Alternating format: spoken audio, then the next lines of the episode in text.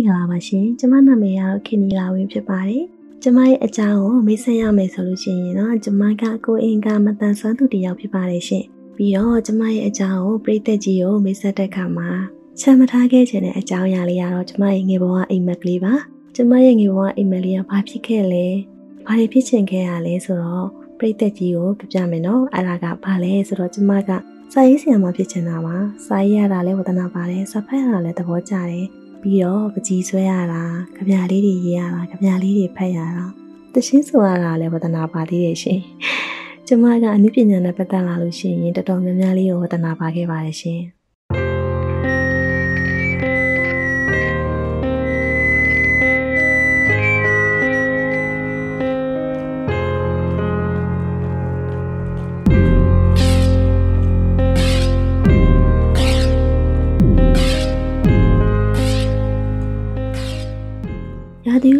န်ကျန်းတဲ့ဒေသမှာကိုကတောင်းတက်ခဲ့ရတာဆိုတော့လေအဲ့လိုမျိုးဖက်နှက်ကလည်းစီးလို့မရဘူးဝယ်လို့လည်းမရဘူးဒီလိုကြိုးတိုင်းနေဆိုတာလည်းရှီမန်းကိုကမသိတဲ့အခါကျတော့မိုးရာသီဆိုလို့ရှိရင်ဒဏ်ရာတန်ချက်တွေနဲ့အနာတွေနဲ့ဟောတောက်ရောက်လာပြန်ပြီအဲ့ဒီအချိန်ဆိုလို့ရှိရင်လည်းပဲကတရလန်းပူချစ်တောက်နေရဆိုတော့လေ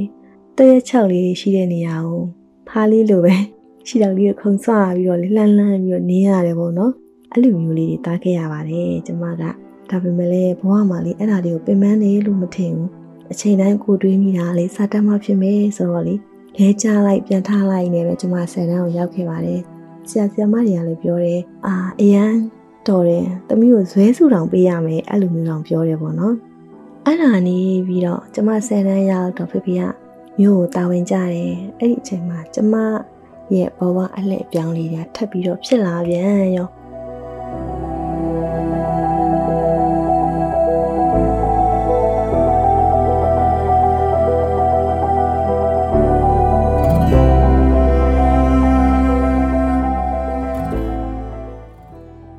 ပြောင်းလေးဖြစ်လာတယ်လဲဆိုတော့ကျမကမြို့ကိုရောက်လာတဲ့အခါကျတော့လေတည်ယူစရာတွေလည်းအများကြီးပဝင်းကျင်ကလည်းလေးလာစရာတွေအများကြီးအဲ့တော့ကျမအနေနဲ့ကလည်းမိဘကိုလိုချင်ချင်တယ်ကိုကိုတန်းလည်းရက်တည်ချင်တဲ့စိတ်ကအဓိကခိုင်မာနေတော့လေကျမစီးပွားရေးတစ်ခုကိုစလုပ်တယ်ပေါ့နော်ဒီလိုကျမတို့မြို့အဝင်မှာဓာတ်စီဒီဇယ်အစုံဝဲပေါ့နော်ဒီစားဥဆိုင်နေအခွေဆိုင်နေမုတ်ဆိုင်နေပန်းဦးပန်းဦးတွေအဲ့လိုမျိုးကျမစီးပွားရေးဘောင်းဆောင်လုပ်ပါတယ်အဲ့ဒါနေပြီးတော့ကလေးတွေကိုလည်းစာပြသေးတယ်ညာဆိုလို့ရှိရင် အဲ့ဒီငွေငွေလေးနဲ့ပေါ့နော်ကိုမိဘကိုထောက်ပံ့ရတဲ့ PT ကအရန်ကိုအေးချမ်းတယ်အရန်ကိုပျော်တယ်ပေါ့နော်ပြီးတော့ပတ်ဝန်းကျင်မှာဆိုလို့ရှိရင်လည်းကျမသိတတ်တဲ့အရွယ်ကနေစပြီးတော့အခုချိန်ထိရပေါ့နော်ဒီလိုမျိုးမတန်ဆွမ်းမှုလို့မတန်ဆွမ်းတူမှုလို့ဆိုပြီးတော့ခွဲခြားဆက်ဆံခံရတာမျိုးတော့ကျမမကြုံခဲ့ရဘူးရှင်ဟိုဘယ်ဘဝင်းကျင်မှာပဲနေနေဘယ်အနေထားမှာပဲနေနေဘာလို့ကိုပဲလုပ်လို့ဘသူနဲ့ပဲတွေ့တွေ့ကျမကိုတလီတစားလေးဆက်ဆံပေးကြတယ်ပြောဆိုပေးကြတယ်အဲ့လိုမျိုးလေးကတော့ကျမကုသိုလ်ကံကောင်းခဲ့တယ်ပေါ့နော် မိဘတွေကလည်းပဲကိုယ်မတန်ဆွမ်းသူဆိုပြီးတော့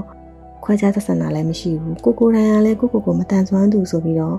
ဝမ်းနဲ့အားငယ်ခဲ့တာလည်းမရှိဘူးအမြဲတမ်းကိုကိုကိုတာမန်လူတယောက်လိုပဲပေါ့နော်ဟိုသူများတဆသွားတဲ့နေရာမှာကိုကတော့နှစ်ဆအားထုတ်ရတဲ့အပိုင်းလေးတွေရှိတယ်ဆိုပေမဲ့ကိုကိုကိုတော့အမြဲတာမန်လူတယောက်လိုပဲကျွန်မလက်ခံထားတယ်ပေါ့နော်အဲ့ဒီအတွက်တော့အဆင်ပြေတယ်ကျွန်မဘဝမှာတော့ ကိုယ့်ရဲ့မတန်ဆွမ်းမှုနဲ့ပတ်သက်ပြီးတော့တိတ်ငဲရတာအားငယ်ရတာရှက်ရတာမျိုးတော့မရှိဘူးဟိုကိုကိုကိုအားမလို့အားမရဖြစ်နေတာလေးပဲရှိတာပေါ့နော်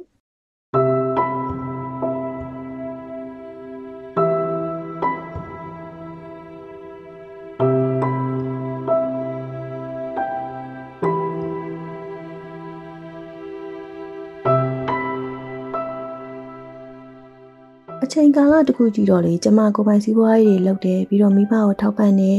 ဒီလိုလေးဖြတ်တန်းလာတာပေါ့နော်ဒါပေမဲ့ဈေးကွက်စည်းပွားရေးစနစ်တွေကကျပြန့်ပြီးတော့အရင်ကြီး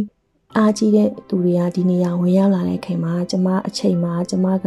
လုပ်ငန်းလေးကိုရပ်တန့်လိုက်ရတယ်ပြီးတော့ဒီကိုကလည်းစွမိဆောင်မိအနေထားလေးတစ်ခုလည်းဖြစ်လာတဲ့ခါကျတော့မျှော်လင့်ချက်လေးတစ်ခုနေပေါ့နော်ချီတောက်လေးများပြန်ကောင်းမလားဆိုပြီးတော့မမေနဲ့တိုင်ဝင်ပြီးတော့2017လောက်မှာရန်ကုန်လာပြီးတော့စေကန်းလာပြတယ်ပေါ့နော် ဒါပေမဲ့စေကန်းလာပြတဲ့အချိန်ကတော့နောက်ကျသွားပြီဆရာဝန်ကြီးကအဲ့လိုပြောပြီးတော့ကျမတို့လိုမတန်ဆွမ်းသူတွေအတွက်တင်တန်းကြောင်းလေးတစ်ခုနဲ့အမှဆေးလူမှုဆက်ဆံရေးမှုဆရာမမိတ်ဆက်ပြီးတယ်ကျမအမှဖောင်လေးဖြည့်ထားခဲ့ပြီးတော့နေကိုတစ်ခေါက်ပြန်လာခဲ့တယ်ပေါ့နော်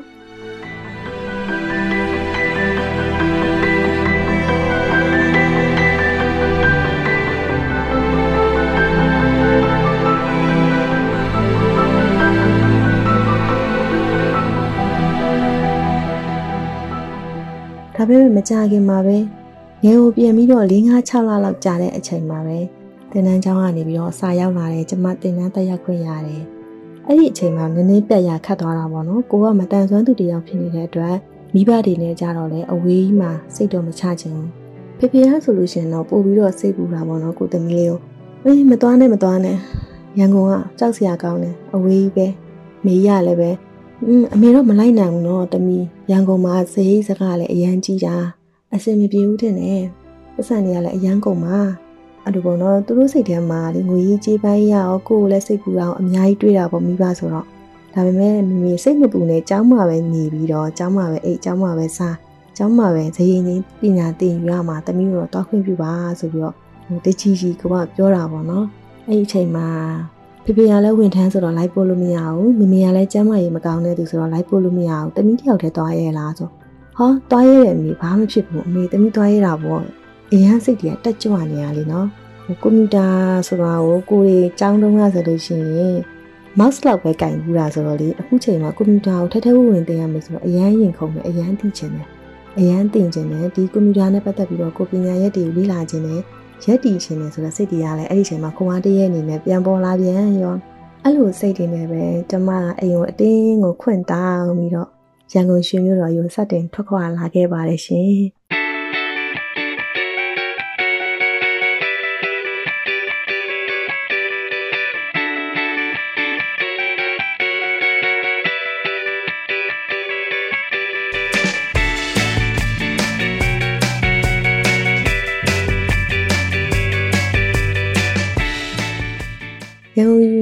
ထွက်လာတဲ့အချိန်မှာတော့ကားပေါ်မှာတော့လေကိုကလေပျော်ပျော်ပဲအိမ်မက်တင်နေပါတော့အရန်ကြီးပြောနေဒါပေမဲ့ရန်ကုန်ကို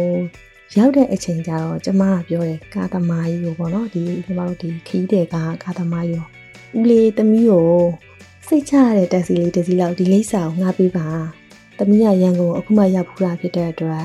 အတိမိတ်ဆွေလည်းမရှိဘူးပြီးတော့လာကြုံမဲ့သူလည်းမရှိပါဘူးတမီးကဒီတင်နန်းကျောင်းလေးသွားပြီးတင်နန်းတက်မှာပါလို့သူတို့အခုညီတောင်းတယ် ဒါပေမဲ့လည်းလေသိရမလားကိုကတယောက်တည်းကိုတယောက်တည်းမဟုတ်ဘူးလေခီးတွေကလည်းအများကြီးပြီးတော့ကားရက်တဲ့အချိန်မှာလည်းလေလူတွေကလည်းအများကြီးဆိုတော့ကားသမားကြီးကလည်းမေ့သွားတယ်ထင်ပါတယ်ကျမရဲ့အကျင့်ကလည်းတခါတလေကြာရင်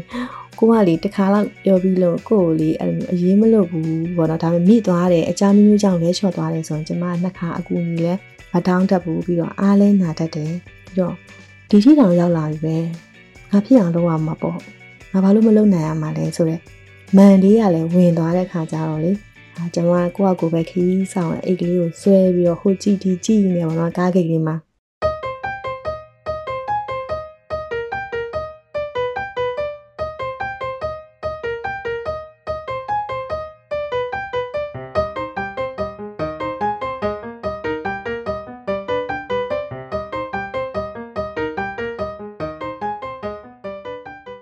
ကဲခတ်တာပေါ့နော်ဘသူကတော့မျက်နှာထားဘလို့ဘလို့စိတ်ချရမယ်ဒီမျိုးဖြစ်မလဲကျွန်မကားကိတ်မှာအဲ့လိုအကဲကြီးခတ်ကြည့်နေချိန်မှာကားသမားကြီးတယောက်ကကိုရှိကိုရောက်လာတမီးကားငားမလို့လားဆိုတော့ကိုကအကဲခတ်ကြည့်လိုက်တော့လေနည်းနည်းတော့လူလက်ပိုင်းအရွယ်ပေါ့နော်ဟုတ်ကဲ့ကားငားမလို့ပါဆိုတော့သူကလေအဲ့ဆိုလိုက်လာတက်တက်တက်ပို့ပေးမယ်သူလိုက်ပို့ပေးမယ်ကားကလည်းရှော့ပေးမယ်ကျွန်မအဲ့တော့ကျွန်မလည်းသူ့ရဲ့ကားပေါ်ကိုတတ်လိုက်တာပေါ့နော်ကျွန်မအရှိခန်းမှာထိုင်လိုက်တယ်ဒါပေမဲ့ ဟိုလမ်းတစ်ဝက်ရောက်တဲ့အချိန်မှာလေလမ်းရောက်တော့လေအဲ့ဒီလူကနောက်ထပ်ယောက်ျားလေးခရီးတဲ့နေရောက်ထက်တင်နေတော့ဆိုတော့သူတို့ကကားကိတ်ကလိုက်တာလည်းမဟုတ်လမ်းတစ်ဝက်ကနေဖြတ်ပြီးတော့တင်လာဆိုတော့လေကိုရီးယားကလည်းလေစောက်ထဲတင်မှာလည်းဖတ်ဘူးတယ်လीနော်အဲ့လိုမျိုးဟိုဖြစ်တတ်တာတွေဆိုတော့လေအဲ့ချိန်မှာနည်းနည်းတော့ကျမအနေနဲ့အရန်ကိုစိတ်ပူသွားပြီဒါပေမဲ့ကို့မှာဖုံးဆက်ပြီးတော့အကူညီတောင်းစရာပြောရမယ့်သူကမရှိဘူးအဲ့တော့ကျမဘာလုပ်လဲဆိုတော့ကျမရဲ့ဖုန်းလေးကိုကောက်ကိုင်းပြီးတော့တစ်ဖက်မှာနားထောင်မဲ့သူ မရှိတဲ့ဖုန်းနံပါတ်ကိုပေါ့နော်ကျမကဖုန်းပြောရှင်းအောင်စောင့်ပြီးတော့ခေါ်တယ်ကျမရဲ့တင်တန်းကျောင်းဆီယမတယောက်ပေါ့နော်ဆီယမသမီးရောက်တော့မယ်ဘယ်နားရောက်နေပြီဟိုရောက်တော့ခန့်နီးနေပြီထင်တယ်ကိုကလေမှတ်တိုင်လည်းမသိဘူးမြို့နယ်လည်းမသိဘူးနေရာကြီးလည်းမသိဘူးဆီယမရောက်တော့မှနော်လာမကြုံနဲ့ရတယ်ဆီယမအဲ့လိုမျိုးတွေရှောက်ပြီးတော့ပြောတာပေါ့နော်တော့တစ်ဖက်ကနေပြီးတော့ကိုအဆက်တွေရနေတဲ့ပုံစံလိုမျိုးပေါ့နော် ကားနံပါတ်ကတော့ဘယ်လောက်ပါရှင်ဆရာမအဲအဲ့လိုမျိုးတွေပြောထားတော့ကားကမနက်3နာရီရောက်တယ်ပြီးတော့မေးလေးတယောက်တည်းကလည်းဖြစ်နေတဲ့အခါကျတော့နည်းနည်းတော့သူတို့စိတ်ထဲမှာလည်းတမျိုးတော့ဖြစ်မှာပေါ့နော်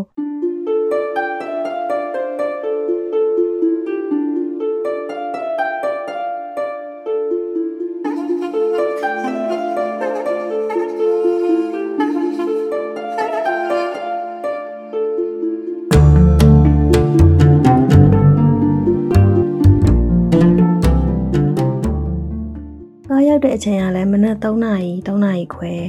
ပြီးတော့ကိုကမတန်ဆွမ်းသူမိန်းကလေးတယောက်လည်းဖြစ်နေတယ်အတိကျွမ်းကလည်းမရှိဘူးတင်နန်းချောင်းကိုလည်းကိုကဒါပထမဆုံးရောက်ဘူးလားဆိုတော့လေအဲကျမအနေနဲ့ကအခုနလိုမျိုးလေးပေါ့နော်တစ်ဖက်ကဖုံပြောချင်အောင်ဆောင်တယ်ကားနံပါတ်တွေကိုပြောတယ်အဲ့တော့သူတို့ဘက်ကလည်းနည်းနည်းလေးတော့ကိုချိန်တက်သွားတာပေါ့နော်ဟုတ်သူများကိုတော့ပြောချင်တာတော့မဟုတ်ပါဘူးဒါပေမဲ့ကိုမတန်ဆွမ်းသူမိန်းကလေးတယောက်အနေနဲ့ တခုခုဆိုလည်းမပြေးနိုင်ဘူးအကူကြီးလည်းမတောင်းနိုင်ဘူးပြီးတော့ကို့မှာအတိအကျွမ်းမိတ်ဆွေဆိုတာလည်းမရှိဘူးအဲ့လိုအခက်အခဲလေးတွေရှိတာအောင်နော်အနက်စောစောဆိုတော့လေတချို့တွေကလည်းပြေးနေကြတယ်ဒီချိန်ခံလုပ်နေကြတယ်ဟာဒါပေမဲ့လေတော်တော်ဝေလီဝင်လေးဖြစ်တဲ့အထိကိုလေမရောက်နိုင်ဘူးရှင်ဟိုကိုကလည်းမသိဘူးလေဒါပေမဲ့သူတို့ကပြောလဲဆိုတော့ဦးလေးကားမရောက်သေးဘူးလားတမီးအရင်သွားနေကြမှာဒီလောက်မဝေးပါဘူး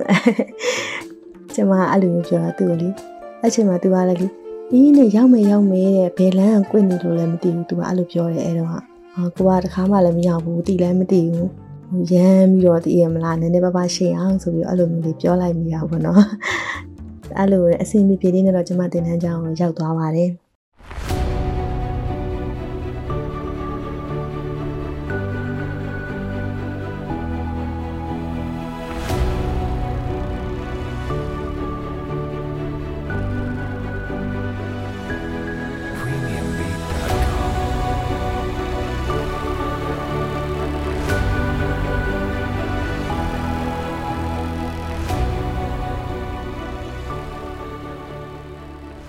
ဒီလိုနဲ့ကျမကတင်နန်းကာလ3လကွန်ပျူတာတင်နန်းတက်ရောက်ပြီးတဲ့အချိန်မှာအိမ်ကိုခဏပြန်တယ်အိမ်ကိုခဏပြန်ပြီးတဲ့အချိန်မှာဆရာဆရာမတွေကတင့်တော်တဲ့အလုပ်တစ်ခုတွေ့ရင်တမီးကိုအကြောင်းကြားမယ်လုံမာလားလို့မှားလိုက်တဲ့အတွက်ကိုကလည်းလုံမယ်ဆရာမ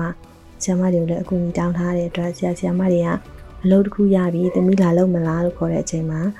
ကျမရန်ကုန်ရောက်လာတယ်ပေါ့နော်ထက်ရောက်လာပြီးတော့ဒီတယ်လီနောကောဆန်နာမှာနှစ်နှစ်တာဝန်ထမ်းဆောင်ပါတယ်ကောဆန်နာမှာ operator အနေနဲ့ပေါ့နော် အတန်ချူချူလေးနဲ့ပေါ့ဟုတ်ကဲ့မင်္ဂလာပါရှင်တယ်လီနောကောဆန်နာမှာကြိုဆိုပါရစေအဲ့လိုမျိုးလေးတွေမိတ်ဆက်ပြီးတော့ earphone လေးတွေနဲ့ပြီးတော့ကွန်ပျူတာလေးတွေနဲ့ customer complaint တွေကိုဖြေရှင်းရတဲ့အလုပ်လေးပေါ့နော်ကျွန်မတရားသဘောကျတယ်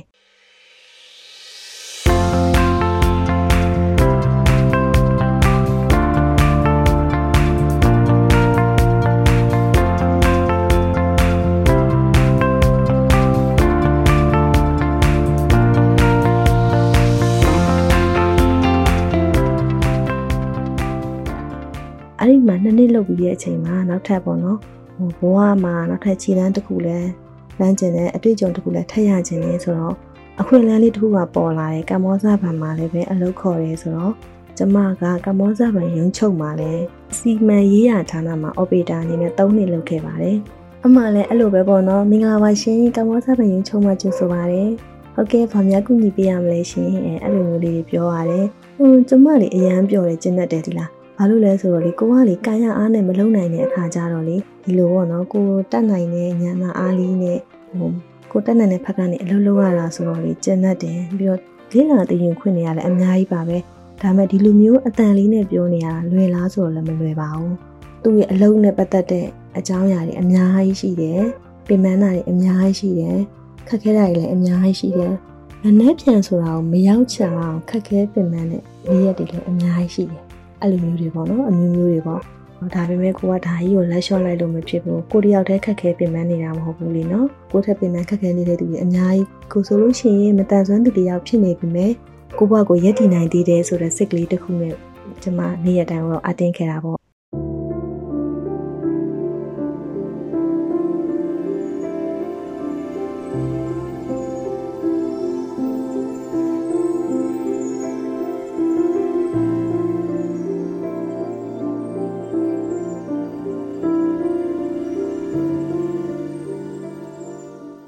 ကျမရန်ကုန်ရောက်တာဆယ်စုနှစ်တခုကျော်ပါပါပြီအခက်ခဲတွေအများကြီးရှိရဲဆိုပေမဲ့လည်းကိုတယောက်တည်းခက်ခဲနေတာမဟုတ်ဘူးကိုထက်ခက်ခဲနေတဲ့သူတွေလည်းအများကြီးရှိတယ်ဟောကိုထက်အမြင့်မှရောက်နေတဲ့သူတွေကိုကြည့်ပြီးတော့ကျမကမူတိတာပွားပြီးတင်ယူသလိုကိုထက်အောက်ကိုနေနေတဲ့သူမျိုးတွေ့တယ်ဆိုလို့ရှိရင်လည်းကိုကဒါဟိုသင်ခန်းစာတခုအနေနဲ့ဟိုစင်ကျင်တယ်ပေါ့နော်ကိုချင်းစာတရားလေးနဲ့ကိုကိုကိုစင်ကျင်တယ်တွေးတောတယ်ဒီလိုမျိုးနေလာခဲ့တာမထင်မဲ့ပဲနဲ့ကျမမှာ ထပ်ပြီးတော့ဘဝလှည့်ပြားတစ်ခုကဘာထက်ကြုံရလဲဆိုတော့ကျမမမဟုတ်ပါဘူးအကုန်လုံးအားလုံးနှီးပါလို့ပဲပေါ့နော်ဒီကိုဗစ်ဆိုတဲ့ယောဂဆိုးကြီးနဲ့နိုင်ငံကြီးဒီဖြစ်လာတဲ့အချိန်မှာကျမတို့အလုပ်တွေရပ်နားလိုက်ရတယ်ပြီးတော့ပို့ပြီးတော့ဆိုတာကျမတို့လိုမတန်ဆွမ်းသူတွေအတွက်တွားလာရပို့ပြီးတော့ခက်ခဲတဲ့အတွက်အလုပ်ရှိတယ်ဆိုလို့ရှိရင်တော့မှကျမတို့တွားလို့မရတဲ့အနေအထားမျိုးတွေဖြစ်လာတယ်ပေါ့နော်အဲ့ဒီချိန်မှာစိတ်ကြစရာတွေအယမ်းဝင်လာတယ်လူဆိုတာကလေအလုံးမရှိဘူးစိတ်ကိုအနာပေးထားပြီးလူလည်းအားနေပြီဆိုရင်လေ အတွေးပေါင်းစုံကလေဝင်လာအစင်မပြေတာတွေအစင်မပြေခြင်းတွေအပူလောင်မှုတွေကတမျိုးတမျိုးတွေးမိတာအဲ့ချိန်မှာလူကလေစိတ်ကောလူရောကလေမကောင်းကြတော့ဘူးเ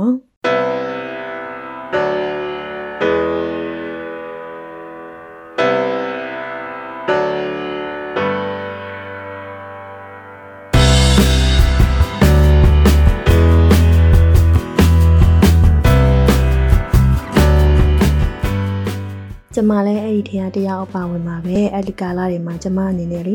ဟိုခုနကပြောခဲ့သလိုပဲအရန်ကိုစိတ်တက်ကြတယ်အရန်ကိုစိတ်ညစ်တယ်ဘာလို့လဲဆိုတော့ကို့မှာနောက်ပြန်ကြည့်စရာကိုယ့်ရဲ့ကြောပဲရှိတယ်ကိုကိုကိုရက်တည်နေမှာဖြစ်တယ်ဆိုတော့ရက်တည်နိုင်မှာဖြစ်မယ်ဆိုတော့စိတ်ကရှိနေတဲ့အခါကျတော့လေအလုံးမရှိတော့ဒီလိုမျိုးရန်ကုန်မြို့ကြီးမှာနေဖို့ထိုင်ဖို့စားဖို့တောက်ဖို့ဆိုတာလေအရန်ကိုခက်ခဲတယ်လေနော်အဲ့တော့ကျမ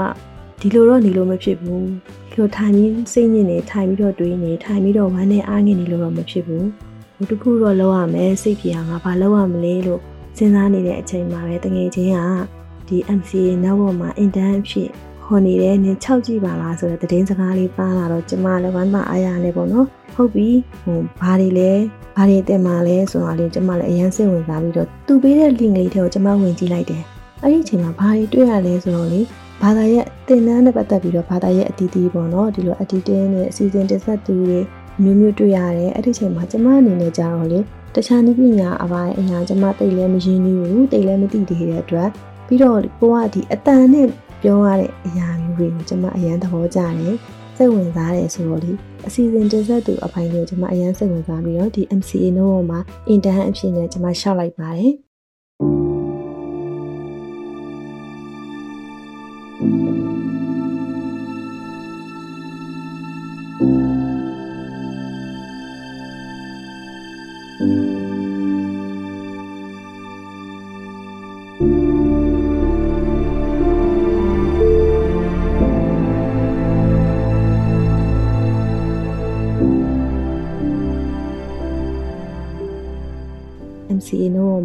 အင်တန်အပြည့်အစီအစဉ်တစ်ဆက်သူအနေနဲ့ရှောက်လာတင်ပြီးတဲ့အခါမှာတော့ကျမကိုဆီယမဘက်ကနေပြီးတော့အင်တာဗျူးဖြေတယ်ပြီးတော့အင်တန်ဖြေကြိုဆိုတဲ့အကြောင်းလေးကြားလာတဲ့အခါမှာအရန်ဝမ်းသာကုန်ယူမိပါတယ်အရန်လည်းဆီယမတွေကျေးဇူးတင်နေပါတော့ဟိုကိုယ့်အတွက်အတွေ့အကြုံပညာရပ်တစ်ခုလည်းရတော့မယ်ဆိုပြီးတော့ရင်ခုန်မိတယ်ဒီလိုပညာသင်နေနဲ့အချိန်ကာလတစ်ခုကိုရောက်လာတဲ့အခါမှာဆီယမတို့ဘက်ကနေပြီးတော့ကိုပိုင် program လေးတွေကိုတင်ဆက်ကြမယ်ဆိုတော့အဲ့လိုပြောတဲ့အချိန်မှာလေကျမအနေနဲ့လည်းလီတွေးထားရတော့အများကြီးပဲရှင် ကျမကိုရင်ကမတန်ဆွမ်းသူတယောက်လည်းဖြစ်တယ်ပြီးလို့ရှိရင်စေစုနှစ်တစ်ခုကြောင့်ကိုဘာသာကိုတယောက်တည်းရက်တည်လာနိုင်တယ်မတန်ဆွမ်းသူအမျိုးသမီးလည်းဖြစ်တယ်အဲ့တော့ဘဝမှာတွေ့ကြုံရတဲ့အကြောင်းအရာတွေကလည်းအများကြီးရှိတယ်အဲ့တော့လေကျမအနေနဲ့ဘလို့အကြောင်းအရာလေးတွေကိုတင်ဆက်မယ်ဘလို့အကြောင်းအရာလေးတွေကိုပြိသက်တွေကိုပြောပြချင်တယ်ဆိုတာတော့ရင်ထဲမှာအများကြီးရှိပါတယ်ပြီးတော့စီစဉ်ထားတဲ့အကြောင်းအရာလေးတွေလည်းအများကြီးရှိပါတယ်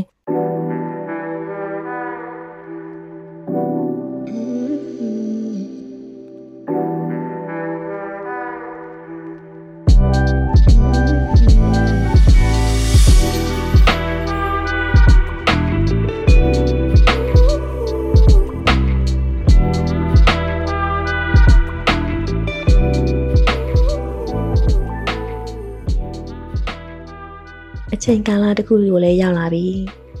ဆရာဆရာမတွေကကဲကိုပိုင် program လေးတွေတင်ဆက်ရမယ်လို့ပြောလာတဲ့အချိန်မှာစိတ်လှုပ်ရှားတယ်ရင်ခုန်တယ်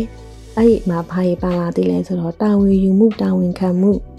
အချိန်ကိုလေးစားရမယ်ပြိသက်ကိုလေးစားရမယ်ဆိုတဲ့အကြောင်းအရာတွေလည်းအများကြီးစဉ်းစားမိလာတယ်အဲ့တော့ကျမအနေနဲ့ဆိုလို့ရှိရင်တော့ကျမကကိုယ်ကမတန်ဆွမ်းသူတယောက်လည်းဖြစ်တယ် ဆယ်စုနှစ်တစ်ခုကျော်တယောက်တည်းဖြတ်တန်းလာခဲ့ရတဲ့ဘဝအတွေ့အကြုံအဆိုးကောင်းတွေရတယ်များတယ်ပြီးတော့ကျမကဒီဒီလူနေမှုပေါ့နော်နေ့စဉ်လူနေမှုဘဝလေးတွေကိုစိတ်ဝင်စားတယ်အဲ့ဒီသူတို့ရဲ့ဖြတ်တန်းပုံလေးတွေကိုကျမစိတ်ဝင်စားတယ်ဟိုခုနပြောသလိုပေါ့နော်ကျမကဝတ္ထုတွေဘာတွေဆိုလို့ချင်းဆင်မကြီးခင်ခင်တို့ရဲ့ဝတ္ထုတွေဆိုအရန်သဘောကျတယ်ဘာလို့လဲဆိုတော့ဘဝပြီးအကြောင်းအရာတွေတဘာဝအကြောင်းအရာတွေများတော့လေကျမတဘာဝနဲ့တက်ဆိုင်တဲ့အကြောင်းအရာလေးတွေစိတ်ဝင်စားတယ်အဲ့တော့ မတူကွဲပြားတဲ့လူနေမှုဘဝအကြောင်းလေးတွေသူတို့ရဲ့ရင်တွင်းစကားတန်လေးတွေအဲ့ဒါလေးတွေကဘာတွေလဲဆိုတာကိုနားလာမယ်ကျမတို့ MCA network ရဲ့ရေရေမောမောပေါ့ပေါ့ပါပါအစီအစဉ်မှာဘလို့အကြောင်းအရာတွေဘလို့လူနေမှုဘဝတွေကိုကျမအစီအစဉ်တင်ဆက်သူခင်နီလာဝင်းကဘလို့တင်ဆက်ပေးမယ်ဆိုတာလေးကိုစောင့်မျှော်ကြည့်ရှုအားပေးပါအောင်ရှင်ဟုတ်ကဲ့ကျမရဲ့မိတ်ဆက်လေးကတော့ဒီလောက်ပါပဲရှင် နားဆင်ပေးတဲ့ပရိသတ်ကြီးစိတ်ချမ်းသာရှင်ကိုကြီးကျမ်းမာခြင်းနဲ့ပြည့်စုံပြီးတော့တာယာလာပါတော်နေ့ဒီတနေ့ကိုပိုင်ဆိုင်ပါစေရှင်